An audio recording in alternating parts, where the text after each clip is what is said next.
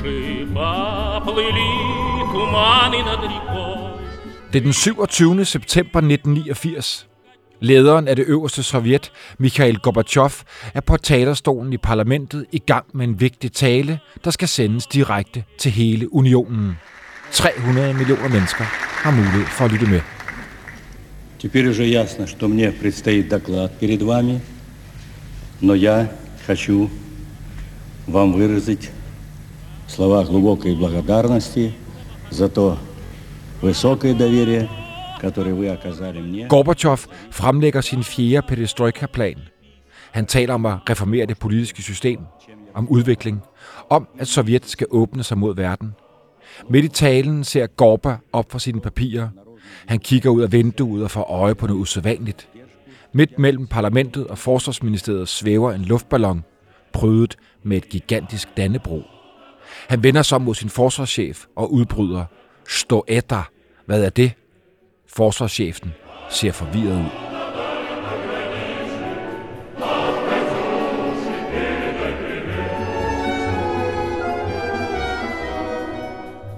Udenfor svæver ballonen roligt videre.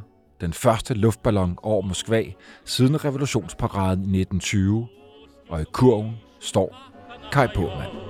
Пусть он землю перешет родную, А любовь Катюша сбережет.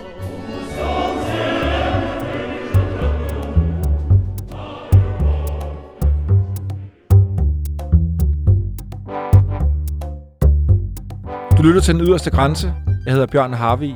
I denne syvende sæson dykker jeg ned i de danske ekspeditioner, der siden 1945 har fascineret mig mest. Folk, der med deres helt enestående rejser på hver deres måde, har åbnet verden for os andre. Og for den fortælling, vi tager fat i i dag, er, og nu underdriver jeg, uden sidestykke i moderne eventyrhistorie. Det er derfor en stor ære at have dig med i studiet. Tony Påmand, velkommen. Tak skal du have. Du er ballonskipper med afskillige dristige flyvninger bag dig, blandt andet over Diskobugten i Grønland og også øh, over dele af Syrien. Og så var du gift med Kai, og I var sammen på denne historiske dag i øh, Moskva. Tony, fortæl, hvordan fik I den skøre idé at skulle lette en luftballon over Moskva? Øh, det var sådan, at på det tidspunkt, der arbejdede jeg i en ungdomsklub om aftenen, og øh, der var nogle folk, som havde været i Nevada, som havde været over og demonstrere mod øh, atomspringningerne der i ørkenen. Og øh, så synes jeg, det var oplagt at, at få fortalt vores unge mennesker om, hvad der foregik ude i verden, og hvad det der atombombesprængninger var for noget. Så jeg inviterede øh, Charlotte Hyldal øh, hjem, eller ja, til klubben om aftenen, hvor hun så kunne øh, fortælle om, hvordan det hele foregik. På et tidspunkt, så, så er vi også på Roskilde Festivalen, hvor øh, ballonen den flyver i, øh, ud øh, over Roskilde Festivalen, forbi, ka- eller over kanopierne, lige ned og dykker lige lidt ned over folkene der og flyver videre og drysser noget af det sand, som vi havde fået af, af, af Charlotte ud fra ballonen. Charlotte havde været med, når der hed Next Stop Nevada, ikke? Jo. som hun fortalte om nede i den der ungdomsklub der. Det er det. Ja. Og du snakker med Charlotte om, om vi måske kunne lave et eller andet fremtidigt projekt sammen. Ja, men jeg, jeg spørger så, øh, hun var så hjemme hos os og, og, og overnatte, fordi hun kom lidt for sent til sit tog og sådan, og så bliver jeg så, hvor skal du, hvor, hvor, hvor tager Next Stop hen nu? Det hvis hun ikke lige sådan, så spørger jeg, hvad med Go East? For der var jo nogle ting, der foregik derovre, som måske havde som var samme karakter. Og øh, det blev så rejst det spørgsmål øh, øh, ja, af nogle folk, som var inden for det der Next Stop. Og øh, det endte så med, at der var nogen, der, der rejste til Moskva og fandt ud af, om, om, der var, om det var muligt at få tilladelse og så videre til at komme ind og flyve der. Tony, hvad skulle Next Stop? Hvad, hvad, hvad var det for noget? Det var en anden, som som jeg husker, det en eller anden form for ungdomsorganisation. Ja, det var en ungdomsorganisation, hvor øh, man mødtes. Nogen kom på cykler fra, og nogen kom cyklede. Altså, man skulle mødes øh, i sådan ligesom en stjerne rundt omkring fra de forskellige europæiske lande. Og, og så vidt jeg husker også fra nogle russiske øh, egne der. Og øh, de skulle... Øh, Ja, de skulle mødes øh, i Moskva. Og hvad var der ellers med? Der var alt muligt, hvad der en, kunne en, en kravle form og for gå. organisation, som skulle bygge bro mellem Ja, øh, øst og imellem, vest. og- imellem, imellem landene, så man ligesom kunne bedre forstå hinanden, i stedet for at lave krig. Follow the Moskva down to Gonky Park, listening to the wind of change.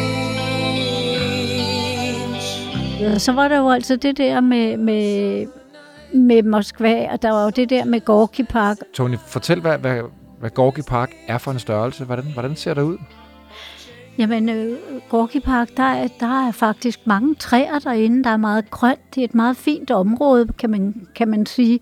Og der er jo stillet op til øh, de der nækstopper. De bor jo rundt omkring i telte og forskellige, øh, hvad de nu ellers øh, har fået bragt med sig over campingvogne og, og sådan. Så det er altså sådan lidt af et Christiania, det der, som Men det, det er altså en meget, meget smuk og berømt park i Moskva. Ligger syd for den øh, røde plads, opkaldt efter Maxim Gorky, som var sådan en kendt Ja. forfatter, og som oprindeligt var, var god ven med Lenin, så vidt ja. jeg husker.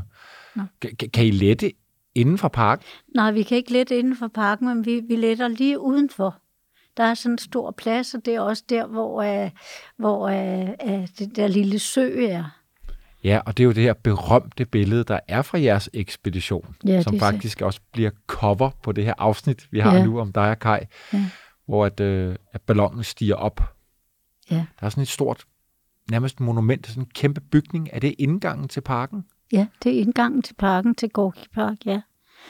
Og der er jo det der med, med, med vi ville jo gerne lave sådan en, ikke, ikke ligefrem en rust, men vi ville gerne have lov til at øh, lette ballonen inden midt i, i Moskva, fordi der er fem lufthavne i Moskva, og alt det skyts, det, det peger ud af.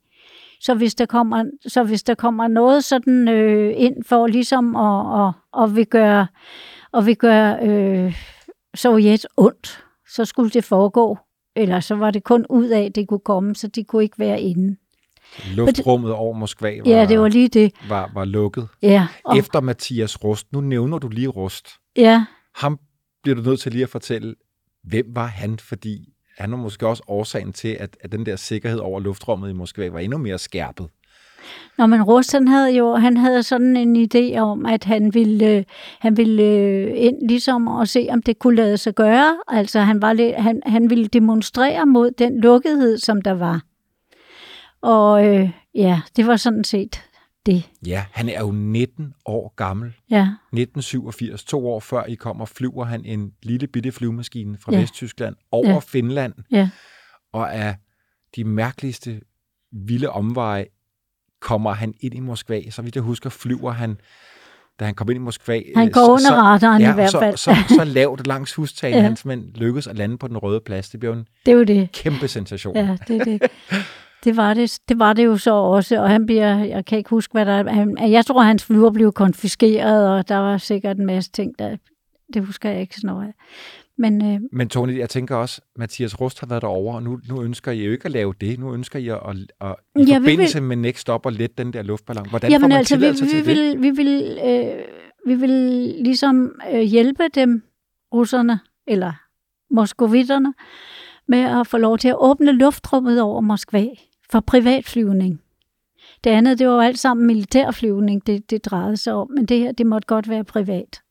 Og det var der selvfølgelig andre ballonfolk. Der var nemlig et par stykker andre ballonfolk derovre, som, som øh, heller ikke fik lov til at flyve frit, men øh, det var kun, de fik opgaver med at slå branden og sådan lidt forskelligt der.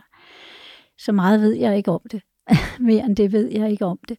Havde fået tilladelse? I tager mod Moskva? Der Altså, der er nogle folk, der rejser fra Next Up folkene. Der er Ralf Gøbke, som tager sammen med en anden over til, til Moskva og prøver at finde ud af at få, få de nødvendige tilladelser i det hele taget, for at få lov til at, at lette derovre fra.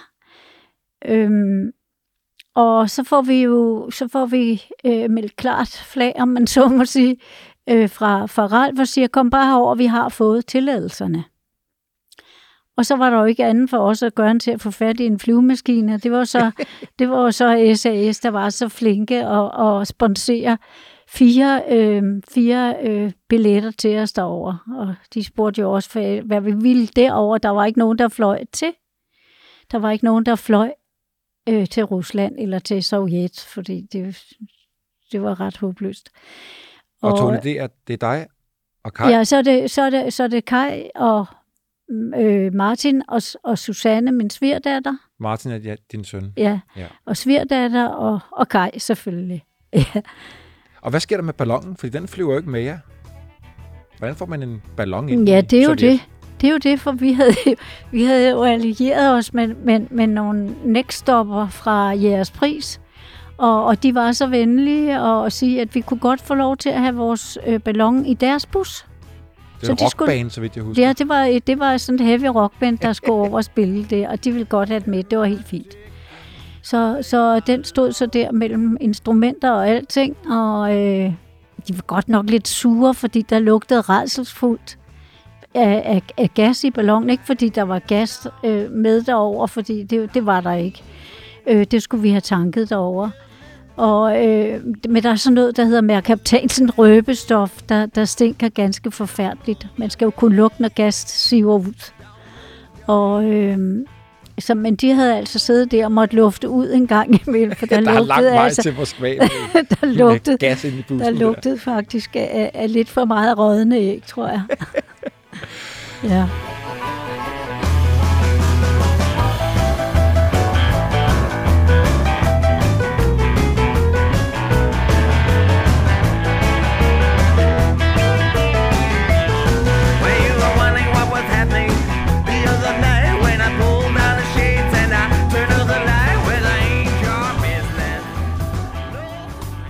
Tony, det er sådan, at der kommer, så vidt jeg husker, 2.500 mennesker bare fra, fra Norden, fra Skandinavien, til den her festival, der er i, i Gorki Park.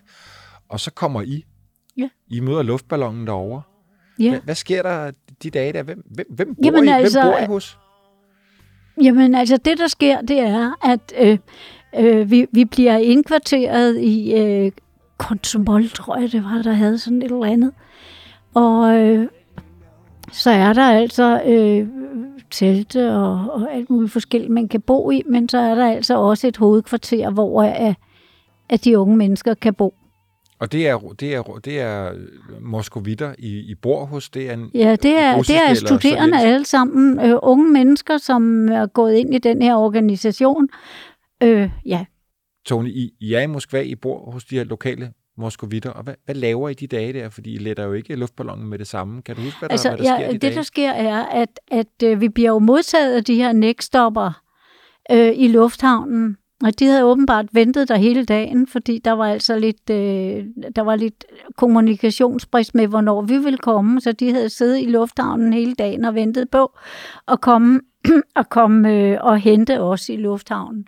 Vi skulle så øh, i midlertid med, øh, med, med den lokale bus ind til centrum, Øh, der havde vi jo så også nogle instrumenter med, altså noget fly, øh, flyradio og sådan nogle ting, og det måtte vi altså ikke. Det var ligesom smuglet lidt ind jo.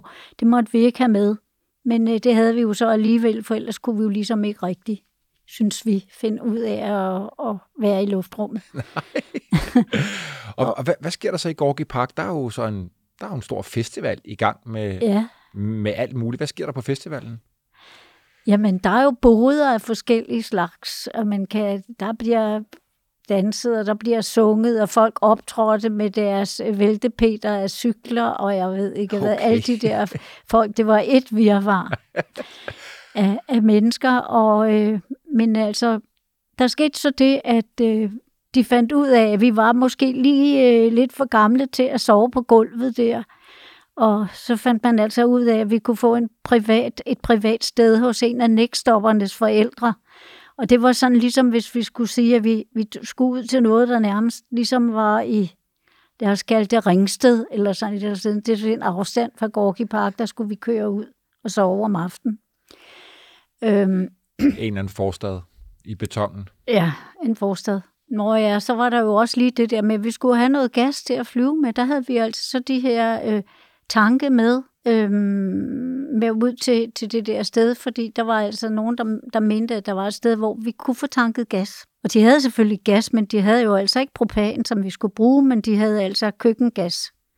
Og der er ligesom ikke lige så højt tryk på det, så um, flammen kommer ikke så direkte fint og flot op i, som den gør med, med Hvordan, hvordan lykkedes det så? Altså, kan Ja, I så bruge det, eller hvad? Jamen, så skete der jo altså det, at vi skulle bære alle de her tomme flasker, dem skulle vi jo bære op på, på femte sal. Der var ikke elevator. Femte sal, det blev båret op på femte sal på en, en meget mistænkelig altan, som nærmest skrånede lidt for meget. Og det var, det var ligesom, når man gik derud, så, og der, tog de, der gik de for øvrigt også, de unge mennesker der, dem der var der i, de gik altså ud og røg deres cigaretter, der hvor gastankene stod der, det var jo ikke rigtig smart, men altså ja. øhm, men tanket blev der, altså vi fik også det der, der skulle til, og man fik så den der lidt dårlige fis at flyve på, kan man sige. Og Tony, I har en, en så vidt jeg husker, en, en sådan generalprøve, eller hvad kalder det? Mm. Du er ude at flyve. Ja, også det i er Gorky rigtigt. Park. øh, dagen før øh, den, den oprindelige, altså den store flyvning skulle foregå, øh, der lavede jeg en lænkeflyvning over en lille sø, øh, som, som var der i Gorky Park. Hvad betyder en lænkeflyvning? Altså, så er man altså bundet. Man kommer ikke til at flyve frit. Det er det, det handler om. Øh, ja, så er det en lænkeflyvning. Og hvad tænkte folk, da de så, at der var at I var i gang med det der projekt i Gorky Park? Jamen, der var, altså, vi, vi- havde jo den idé, at hvis det der, det gik godt, og, der, og vi ikke blev stoppet af KGB, som var der, der gik sådan og og holdt lidt øje med det hele. De havde jo fået den opgave. Der var jo nogle mennesker, der havde fået en opgave at holde øje med de der unge mennesker inde i parken der, ikke? og det var jo altså så blandt andet også naturligvis også. Dagen efter, så var der øh, sådan en, øh, en, øh, en konference, hvor at der var folk fra forskellige lande, som skulle fortælle om det her projekt, og det var folk fra hele Europa, hvor at det blev så sendt ud, og vi mente jo også og havde en idé om, at hvis man nu vidste ude i Europa, hvad der foregik, så ville de nok ikke være lige så, lige så slemme ved det her, de her ballonfolk, der også skulle ud og flyve. Ikke? Калинка, калинка моя, в саду ягода, малинка, малинка.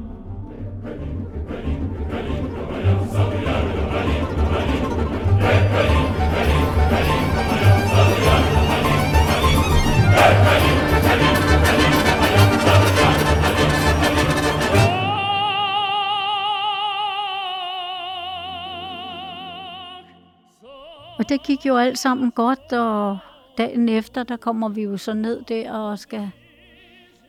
Øh, Martin og Martin, min søn og min svigerdatter, de havde lagt ballonen ud sammen med nogle af, af de unge studerende, ingeniørstuderende der, som også var med omkring ballonen.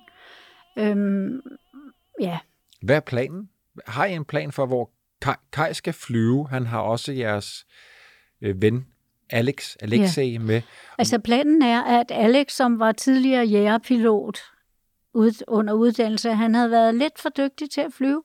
Så han var, han var fløjet under nogle højspændingsledninger, og så blev han altså smidt ud af, af det der flyvevæsen der.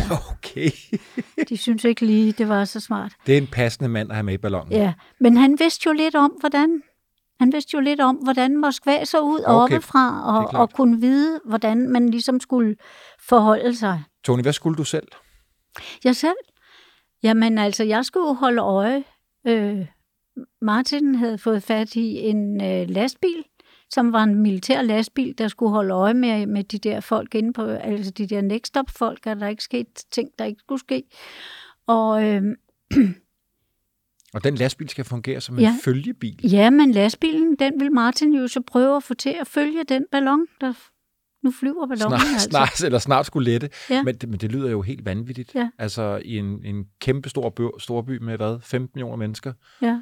Der skal, Over, over, der, der seks, over seks broer.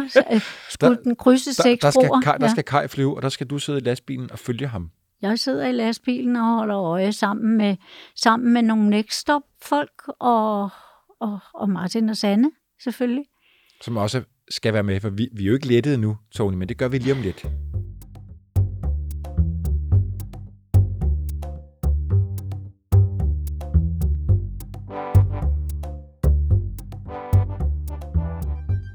Tony, fortæl om, da ballonen letter fra Gorki Park. Ja, og så venter vi jo altså på at få fyret op under ballonen der, og jeg hjælper også lidt til, og Kai fyrer op og med den buskede flamme, som der nu er. Og øh, Alex kommer ombord, og der bliver talt ned, faktisk. Og øh, ja, Er der masse folk samlet? Ja, der er uhyggeligt mange mennesker, virkelig rigtig, rigtig mange mennesker, der går der, ikke? Og ballonen, altså, og, og, og vi bliver selvfølgelig heller ikke stoppet, for så kunne det jo ikke lade sig gøre. Og øh, ja, så flyver ballonen, og så kommer lastbilen og kører over de der seks broer. Ja, så hopper du ind i lastbilen. ja. Og så må du ikke fortælle mere, fordi nu er det jo sådan, at jeg har en fin bog liggende foran mig her. En bog, som efterhånden kom for mange år siden fra, øh, fra Eventyrenes Klub. Mm. Og der, øh, der skrev Kai om jeres tur til Moskva i den. Så den dykker jeg lige ned i et par gange Ja, nu her, er fordi nu fint. får vi Kajs stemme med Ja. fra ballonen.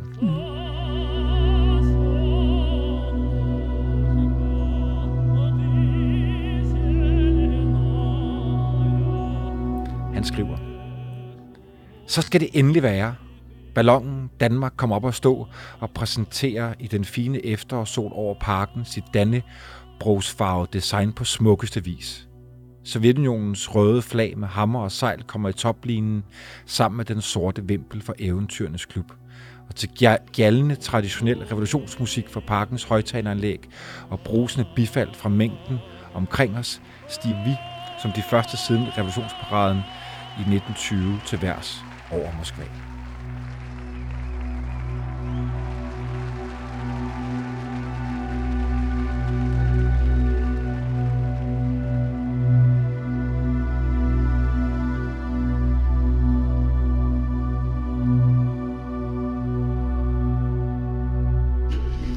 Hopper du ind i lastbilen.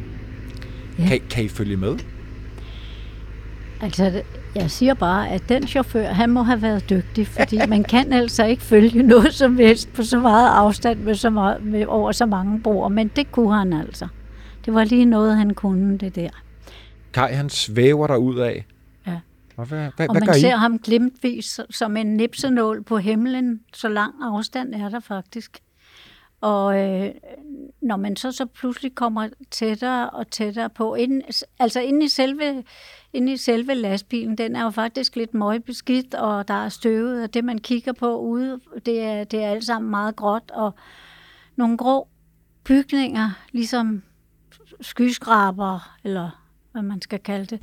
Skyskraber, meget gråt og meget grimt og meget støvet alt sammen. Vejene, de er så hullede, at vi sidder og hopper op og ned derinde. Så meget, så der, der står et- en, en, en, en spand med, med forskellige ting, som nogle lægstopper har sat ind der. Med, med noget metal af en eller anden slags, jeg ikke rigtig ved, hvad er for noget. Jeg ved ikke, om det var partisansøm eller hvad, men der var i hvert fald søm og skruer og hammer i. Jeg ved ikke, hvad vi skulle bruge det til. Men øh, ja, det står og falder rundt derinde, ikke? Og, og øh, når vi så øh, kommer tættere på de her bygninger, der er jo også nogle flotte bygninger, kæmpe flotte, høje bygninger med en, en eller anden helt tilbage fra revolutionen eller før den tid, ikke også? Hvor, hvor øh, at der er sådan nogle øh, halvmåner på taget, eller sådan lidt spir på taget af en halvmåne, og alting er egentlig på det tidspunkt, synes jeg, meget fint. Man kunne godt se, at de havde haft bedre dage i Moskva, end de havde nu. Og øh, Hvordan finder I Kai? Altså, han svæver rundt derop. Hvordan, hvordan, hvordan kan man følge med en ballon hen over sådan en kæmpe by? altså, jamen det kan man slet ikke, men det gør sig alligevel. ja. Jeg har, en forne- har I aftalt, hvor han skal flyve hen? Nej, det, altså ja, i, i en vis vindretning, men du kan ikke rigtig regne med vindretningerne derinde, fordi at det, det, det, der, der, der var en del turbulens derinde også, og, og nej. Så, så man har prøvet at lave en vindretning, og, og, og, og der skulle flyves sådan cirka, ja, han fløj rent faktisk cirka halvanden time over Moskva, det er temmelig lang tid. Man kan også regne ud, at, at øh, der har ikke været meget hastighed på vinden der. Flyver Når man fra tænker på, det er Gorki Park syd, syd for den røde plads, og så hen Ja, over jeg tror, der er floden. 30 kilometer eller 40 kilometer ud til kanten af det yderste. Um, det yderste af Moskva, ja. Så det var da en meget pæn flyvning.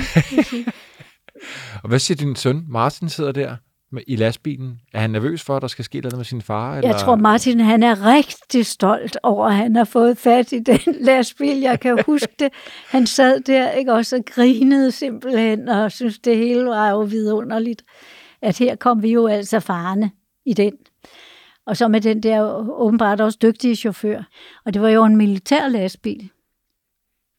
Og det, det er jo i historien ret vigtigt, fordi Kai er kommet afsted, og han flyver. Men på et eller andet tidspunkt, så viser der sig en, en meget grim kamphelikopter fra Afghanistan, eller som havde været i Afghanistan, med skudhuller, som prøver at intercepte ballonen. Der, Tone, den der vil lige hænge. Er du okay med det? Fordi Ja. jeg har et andet lille citat. Inden Ja. vi møder den her ja, Afghanistan-helikopter, der peger på, på Kai, så fortæller Kai op fra luftballonen. Ja. Det her. Ja, så fortæller han sikkert historien. Kai og Alex, de svæver deroppe. Du er dernede i lastbilen sammen med Mm. Martin og Sanne.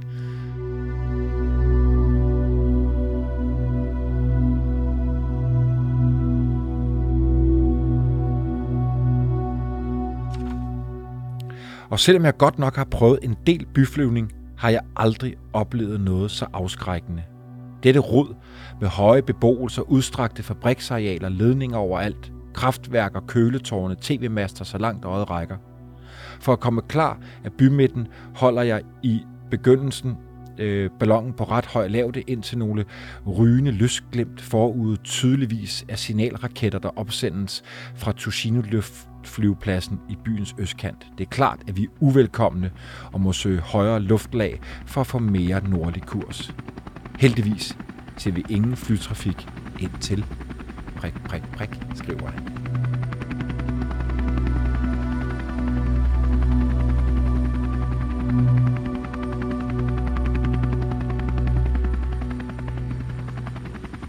Og det er jo så der, der dukker en helikopter op lige pludselig. Hvad, hvad fortæller Kai, der sker? Jamen, der kommer den her øh, kamphelikopter, som formodentlig har været en tur i Afghanistan med skudhuller i og rigtig støvet og grim. Øh, der sidder så i en, øh, en, øh, en af lurerne der, der sidder så en, øh, en skytte, eller en, ja, en skytte, som, som sidder og peger med, med et, øh, med et maskingevær på ham på sådan en træfod, og, og prøver at intercepte ballonen, altså prøver at trykke den ned. De laver nogle øh, cirkler over ballonen for at, at, at, og vise, at vi er uvelkomne.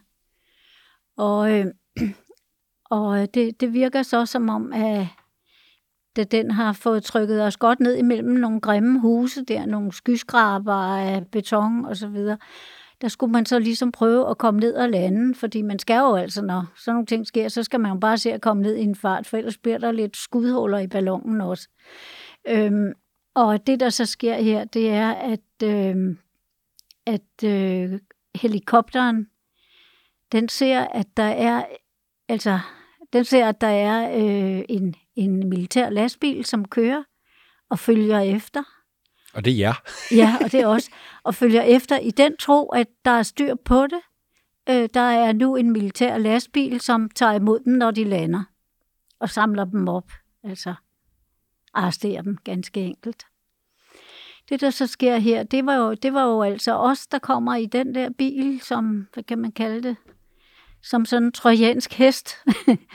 Hvordan, hvordan lykkedes det Kai og Alex at lande ballonen? Man Jamen, kan bare det- forestille sig det her inferno af høje bygninger af beton i en kæmpe stor Jamen by, og altså, han skal man, lande man, en ballon. man, rib, man ripper simpelthen øh, ventillinen alt, hvad man kan, ikke? også og prøver at komme, få en meget hurtig landing. Der var jo ikke andet end, end et eller andet grimt grus, eller et eller andet grimt at lande på.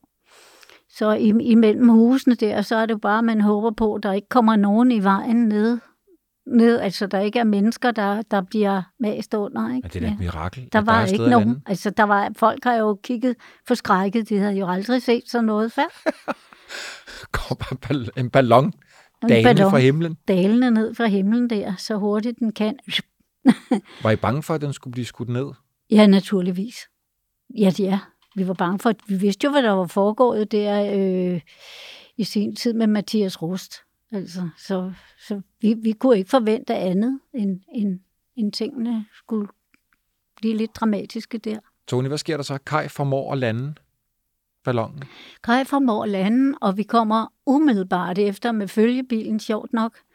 Øh, og, og folkene er, altså den unge mand, som havde, som havde kørt, øh, som havde kørt lastbilen, han vidste jo så åbenbart, hvordan han skulle komme hen til den meget hurtigt. Og det, der sker, er jo så bare, at ballonen bliver pakket sammen ned i øh, sin, sin øh, hylsterpose der, ikke også? Og videre så øh, i kurven, og så op i lastbilen. Og bliver kørt til, så kører vi tilbage til Gorky Park, hvor efter den bliver stuet godt af vejen nede i kælderen under, ja, der hvor man bor. Men årsagen til, at der måske ikke bliver mere ballade der, det er også det, du siger der med, at det var ret vigtigt, at de kørte i en militær lastbil. Altså Jamen, Jamen, det- folkene i helikopteren har vel tænkt, det var nogle af deres kollegaer, Ja, der ja, jamen, der, det var- der det var- nu det tog var- over. Det var helt tydeligt, at de troede, at det var deres egne folk, der havde taget over. Ja, bestemt. Og det, Det det var blev, helt tydeligt. det jo en kæmpe redning. Ja, det var en stor redning. Det var noget, det var, det var lige nogen, der var med os der. Tony, jeg startede den her lidt dramatiske scene med Gorbachev, der sidder i parlamentet med sin øh, berømte tale om mm. perestrojka og åbning, og nu skal mm. Sovjet, Mm. hvad skal man sige, åbne sig mod verden. Ja. Og så taber han jo fatning i den her tale. Ja. Og, og, og hvor, hvor ved I det fra? Og det ved vi jo, fordi at der er en af de unge Nextop-folk, Geras far, han, øh, han sidder med til det der møde der, øh, hvor Gor- Gorbachev han holder sin fjerde perestrojka der. Og, øh, og så, ja, det, der så der sker, det er, at han spørger, hvad er det? Og der kom jo Dannebrogs ballonen flyvende forbi hans vindue. Så det var klart, han ville Han har gerne været lige så have overrasket som alle andre i Moskva, jo. fuldstændig Ja. ja. overrasket Ja, ja, ja. ja. over det, der foregik. Og, og øh, ja, Det er fantastisk. Ja. ja. Kom nu ned og få noget saftevand Det er skide farligt, det du laver der Kom nu ned og få noget saftevand Jeg gider faktisk ikke at lege mere Du kan dø af det der kan dø af det der Du skulle hellere lade være Tony, I kommer, I kommer jo tilbage til Gorky Park og får pakket øh, ballonen sammen. Hvad, ja ba- ballonen er jo pakket, den skal bare stues ned i ja, kælderen det er der. rigtigt. Hvad, hvad sker der så med jer? Jamen os? Jamen altså, vi havde jo, det var jo aften, og øh, traditionen tro, så skal man jo være nede ved solnedgang. så øh, efter flyveregler, visuelle flyveregler, så det skal man selvfølgelig også derover. Vi havde jo benyttet os af de regler, som vi kendte hjemmefra. Øhm, ja, og så bliver den stuet af vejen i kælderen, og øh, ja, så havde vi jo egentlig den der aftale, at vi skulle fejre det bagefter med champagne og kaviar og alting. Og vi, vi kom så øh, i det der lille bitte rum, som, som de her unge mennesker nu boede i, og vi så ikke boede i længere, eller vi boede ikke på samme sted. Men øh, der blev festet igennem, og der blev råbt, og der blev skrejet, og der, blev, der var meget hurra der. Altså fejret over, at det ja, lykkedes her. præcis. Ja, ja, lige præcis. At det der, det var lykkedes. Det var jo simpelthen et mirakel, det overhovedet kunne lade sig gøre, uden vi var blevet skudt ned. Er der nogen, der, der leder efter? Er der nogen, der gerne vil tale med jer?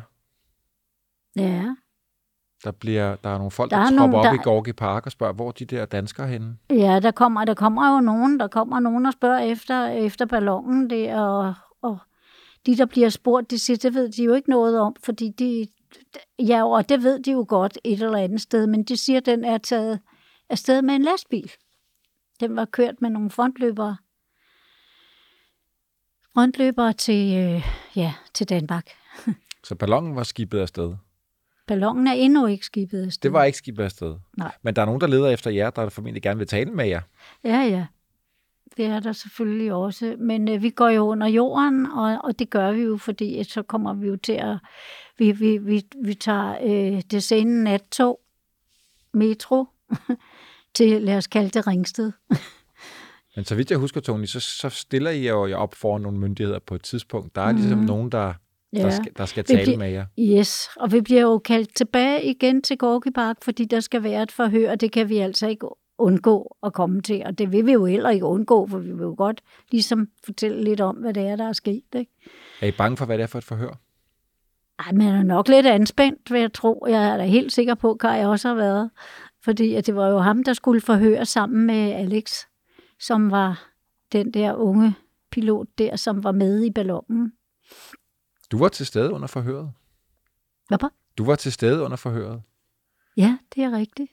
Jeg sad sådan pænt sådan lidt nede i salen der og, og lyttede til, hvad der foregik, og de der øh, generaler. Om det var generaler, er jeg lidt i tvivl om, men altså, de så meget fine ud. Og der var også sådan tolk og sådan lidt, hvad, ja. Og øh, Og hvad skete der? Var I bange for, at nu skulle I... Ja, Ja, man er, jo lidt, i man er jo lidt spændt på, hvad udfaldet er. Men øh, til slut, da man ligesom havde fundet ud af, øh, øh, Kai og, og Alex havde jo faktisk øh, lavet sådan en, en, en lille... Altså, de havde jo... De skulle fortælle, hvor de havde fløjet henne præcis. Og der havde øh, Alex været til god nytte her, fordi han var jo lokal, så han vidste, hvor øh, øh, man måtte jo ikke flyve øh, hverken mellem Kreml eller Pentagon der, deres forsvars... Forsvarsministeriet, ja. Ja.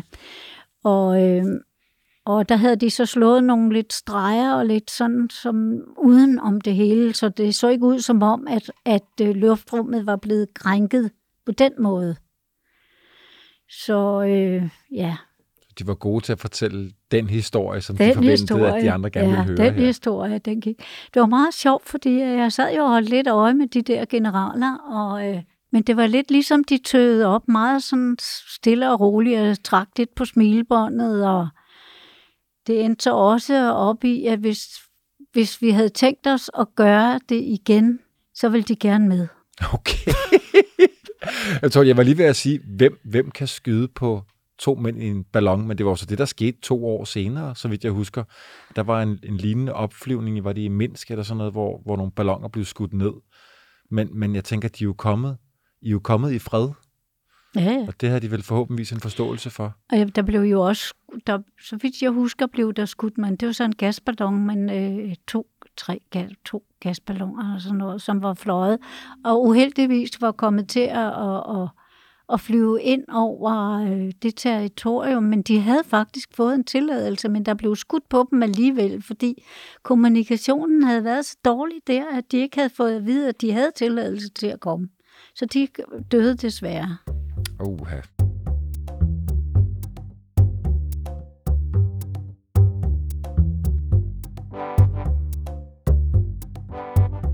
Men altså, forsiden på den store avis Pravda, Mm. dagen efter jeres fantastiske flyvning over Moskva, havde jo den her breaking headline, der hed Usædvanlig situation, himlen ude af kontrol. Ja. Hvad sagde alle nækstopperne? Hvad sagde jeres venner altså, derovre? der blev jo sagt om os, at vi var, vi var, vi var ballonpirater, eller var pirater over, som forsøgte at, at, at, altså lave. Det kan de jo have ret i. Ja, det havde det også. Selvfølgelig. Et eller andet sted kunne de jo nok have ret i det. Snakker I med nogle mennesker om, hvad, hvad de tror, der kommer til at ske i, øh, i, i Sovjet? Hvad der kommer til at ske med, med, med unionen, der stille og roligt er ved at løsne op på det her tidspunkt, Tony? Møder I nogle mennesker, der snakker om fremtiden? Ja, øh, men nu skal vi måske så lige tilbage til, vi, øh, hvor vi er sluppet igennem hele det her, og vil gerne ud og, og have noget at spise. Det var det hele taget meget svært. Man skulle stå i lange køer for overhovedet at få noget mad. Det vidste vi jo godt derovre fra. Det var måske også en af tingene, man var meget utilfreds med i, øh, ja, i Sovjet. Og øh, det var så sådan, at vi havde fundet ud af, at hvis vi nu tog over på det fineste hotel, på den anden side af Gorky Park, eller på den anden side af den røde plads, så, så øh, ville vi prøve at komme ind på et hotel og spise der. for der fik man også noget ordentligt mad, og der skulle man ikke stå i lange køer. Det, der sker i mellemtiden, er, at vi står ude i Østbjergs regnvejr, og så kommer der altså sådan en eller anden farne i det her, øh, og kører, det- de er meget store vandpytter, vil jeg bare lige sige, derovre, og, og han kørte altså meget hårdt op til kantstenen der, så vi fik altså, vi var så våde, som vi overhovedet kunne blive, hvis det kunne lade sig gøre, og møgbeskidt, der, der er ikke så rent, så det gør noget. Men øh, så kommer der lidt efter, øh, eller lige efter, en, en anden og kører ind til siden. Og så siger undskyld, eller hvad han nu siger. Ikke? Øh, vi forstod ikke, hvad han sådan helt sagde, men han lukkede i hvert fald døren op og spurgte, om, om, om han kunne køre os et eller andet sted hen. Og da vi fandt ud af, at han ikke havde ondt i sinde, eller var en anden, der ville hive fat i os, fordi vi kunne se, der sad en lille dreng derinde på tre år i, bag i bilen, der han var med sin far ude at køre. Og øh, så tænkte vi, at det går nok, ikke? Men det var ikke sådan noget med børn i bilen. og ja. Og hvad fortalte han? Og han siger, da vi kørte, så siger han, ja, han var meget spændt på om se, at, at se på, om, om der overhovedet, om, om øh, Sovjet nogensinde ville blive fri. Og han mente ikke, det ville blive i hans tid, men måske i hans lille treårige søn ville måske opleve det, hvis han var heldig. Og det var, det var hans mening om det. Og det er jo interessant, ikke? Fordi der gik ikke så lang tid, så skete der ting og sager. Tone, I kommer, I kommer hjem kort efter den Ja. her vellykkede flyvning. Ja. Og jeg vil tage fat i det sidste citat fra Kajs fine historie, så vi Ja. også hører ham. Ja. Fordi han, øh, han slutter sit fine kapitel af i bogen med en, en overskrift, der hedder Verden ændrede sig alligevel. Kaj skriver.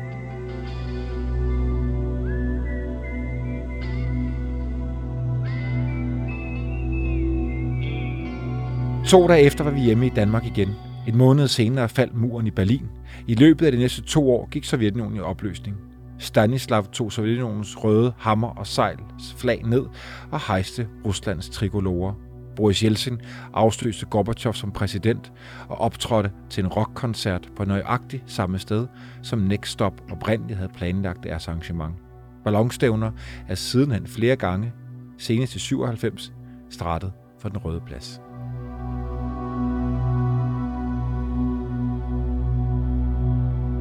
Øh, Tony, som du ved, for vi kender jo også hinanden, og jeg har jo haft en stor ære også at kende Kai øh, i Eventyrenes Klub, som det jo desværre gik bort for, for, for 11 år siden. Så synes jeg, det er jo en fantastisk fint afslutning på vores snak i dag, at du jo øh, spredte hans aske ud. Det var sådan, at Kai og jeg havde den aftale, at han, jeg skulle en, en sen, en sen øh, sommertime flyve over Roskilde Fjord, om jeg ville være og, og sprede hans aske der. Og det, det var den aftale, vi havde få, få, øh, ja, få uger før han døde. Og det ville jeg selvfølgelig gøre, og det ville jeg også gerne leve op til. Men det blev ikke helt på den måde, han havde forestillet sig. Det blev nemlig sådan, at jeg havde forestillet mig at tage til Moskva og sprede hans aske ud på Moskva-floden, der hvor han havde fløjet. Da jeg kom til Moskva, der var det altså i marts måned, og der var pivkoldt, der var, der var frost over, det hele var frosset til. Og der var så meget snavs og skrald og møg, der lå i, i selve, altså på selve isen der, så jeg synes, der skulle han i hvert fald ikke hen.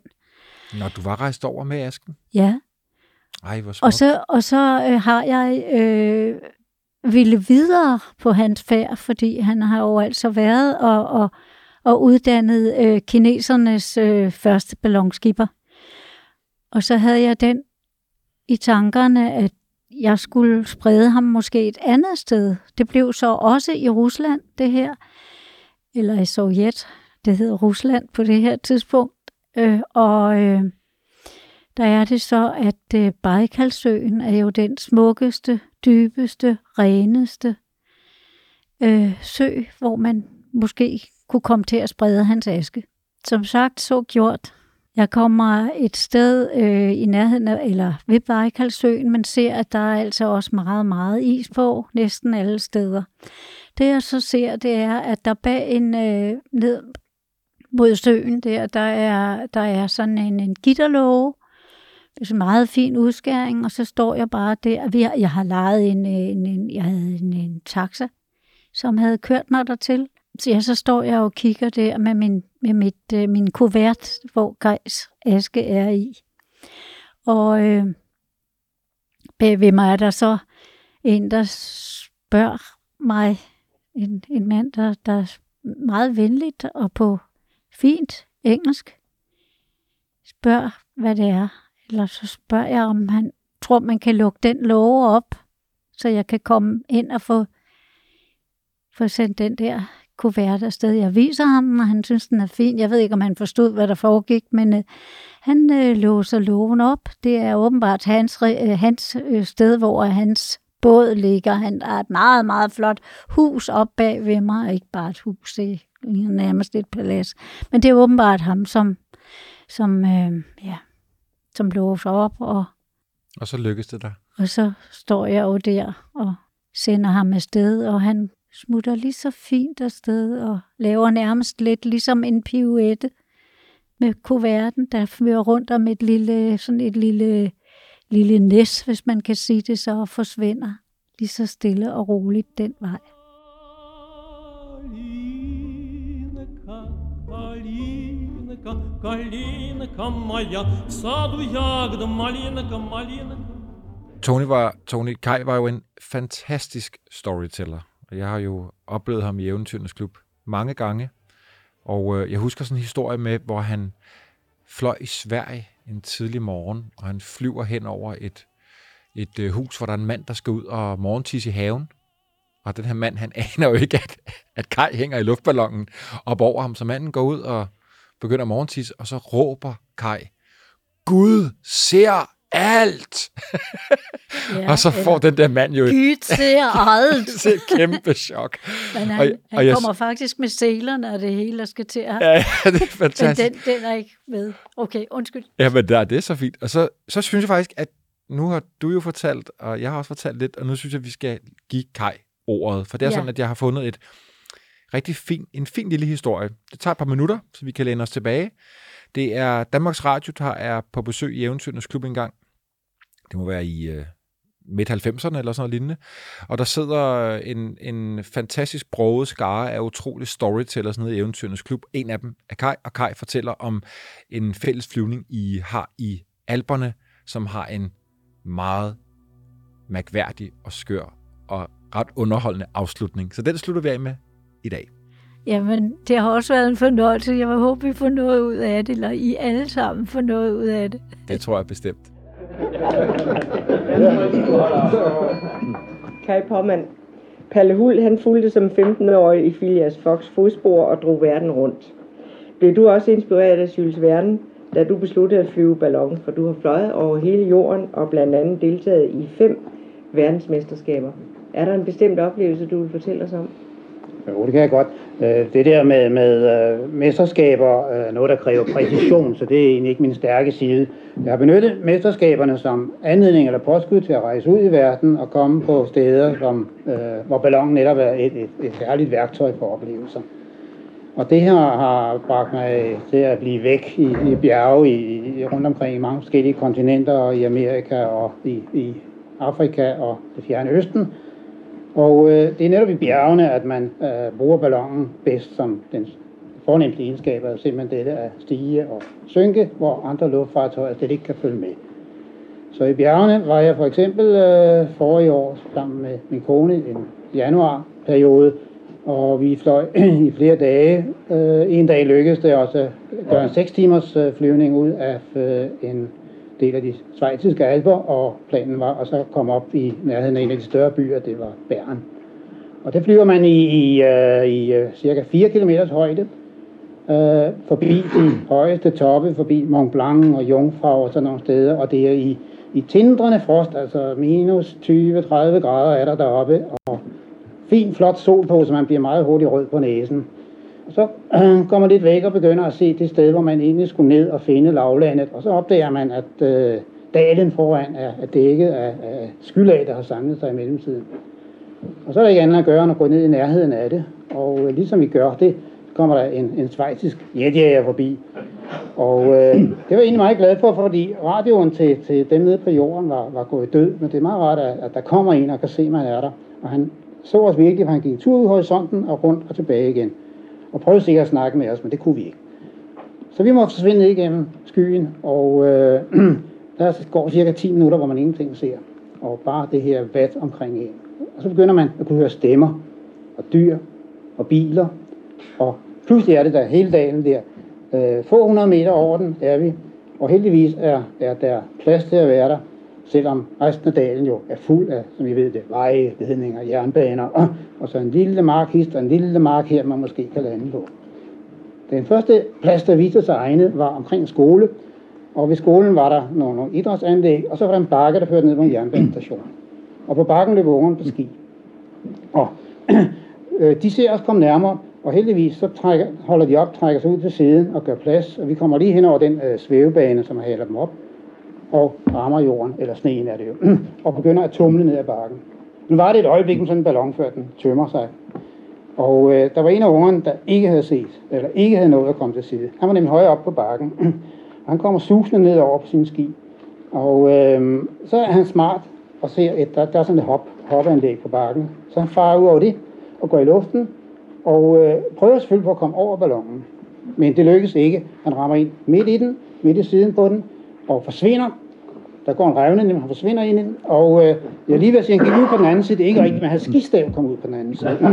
Så, så var han fanget der, og øh, øh, kom heldigvis ikke noget til. Det var rimelig blødt alt sammen, og vi andre var jo også bare landet og var reddet af ting. Og det eneste problem, vi havde dagen efter, vi kørte nemlig hjem lige med det samme, det skulle vi alligevel, det var at forklare forsikringsfolken ude hos øh, sejlmageren i Skovets Hovedhavn, hvordan det kunne være, at en ballon og en skiløber kunne kollidere i luften. Ja, jeg kender.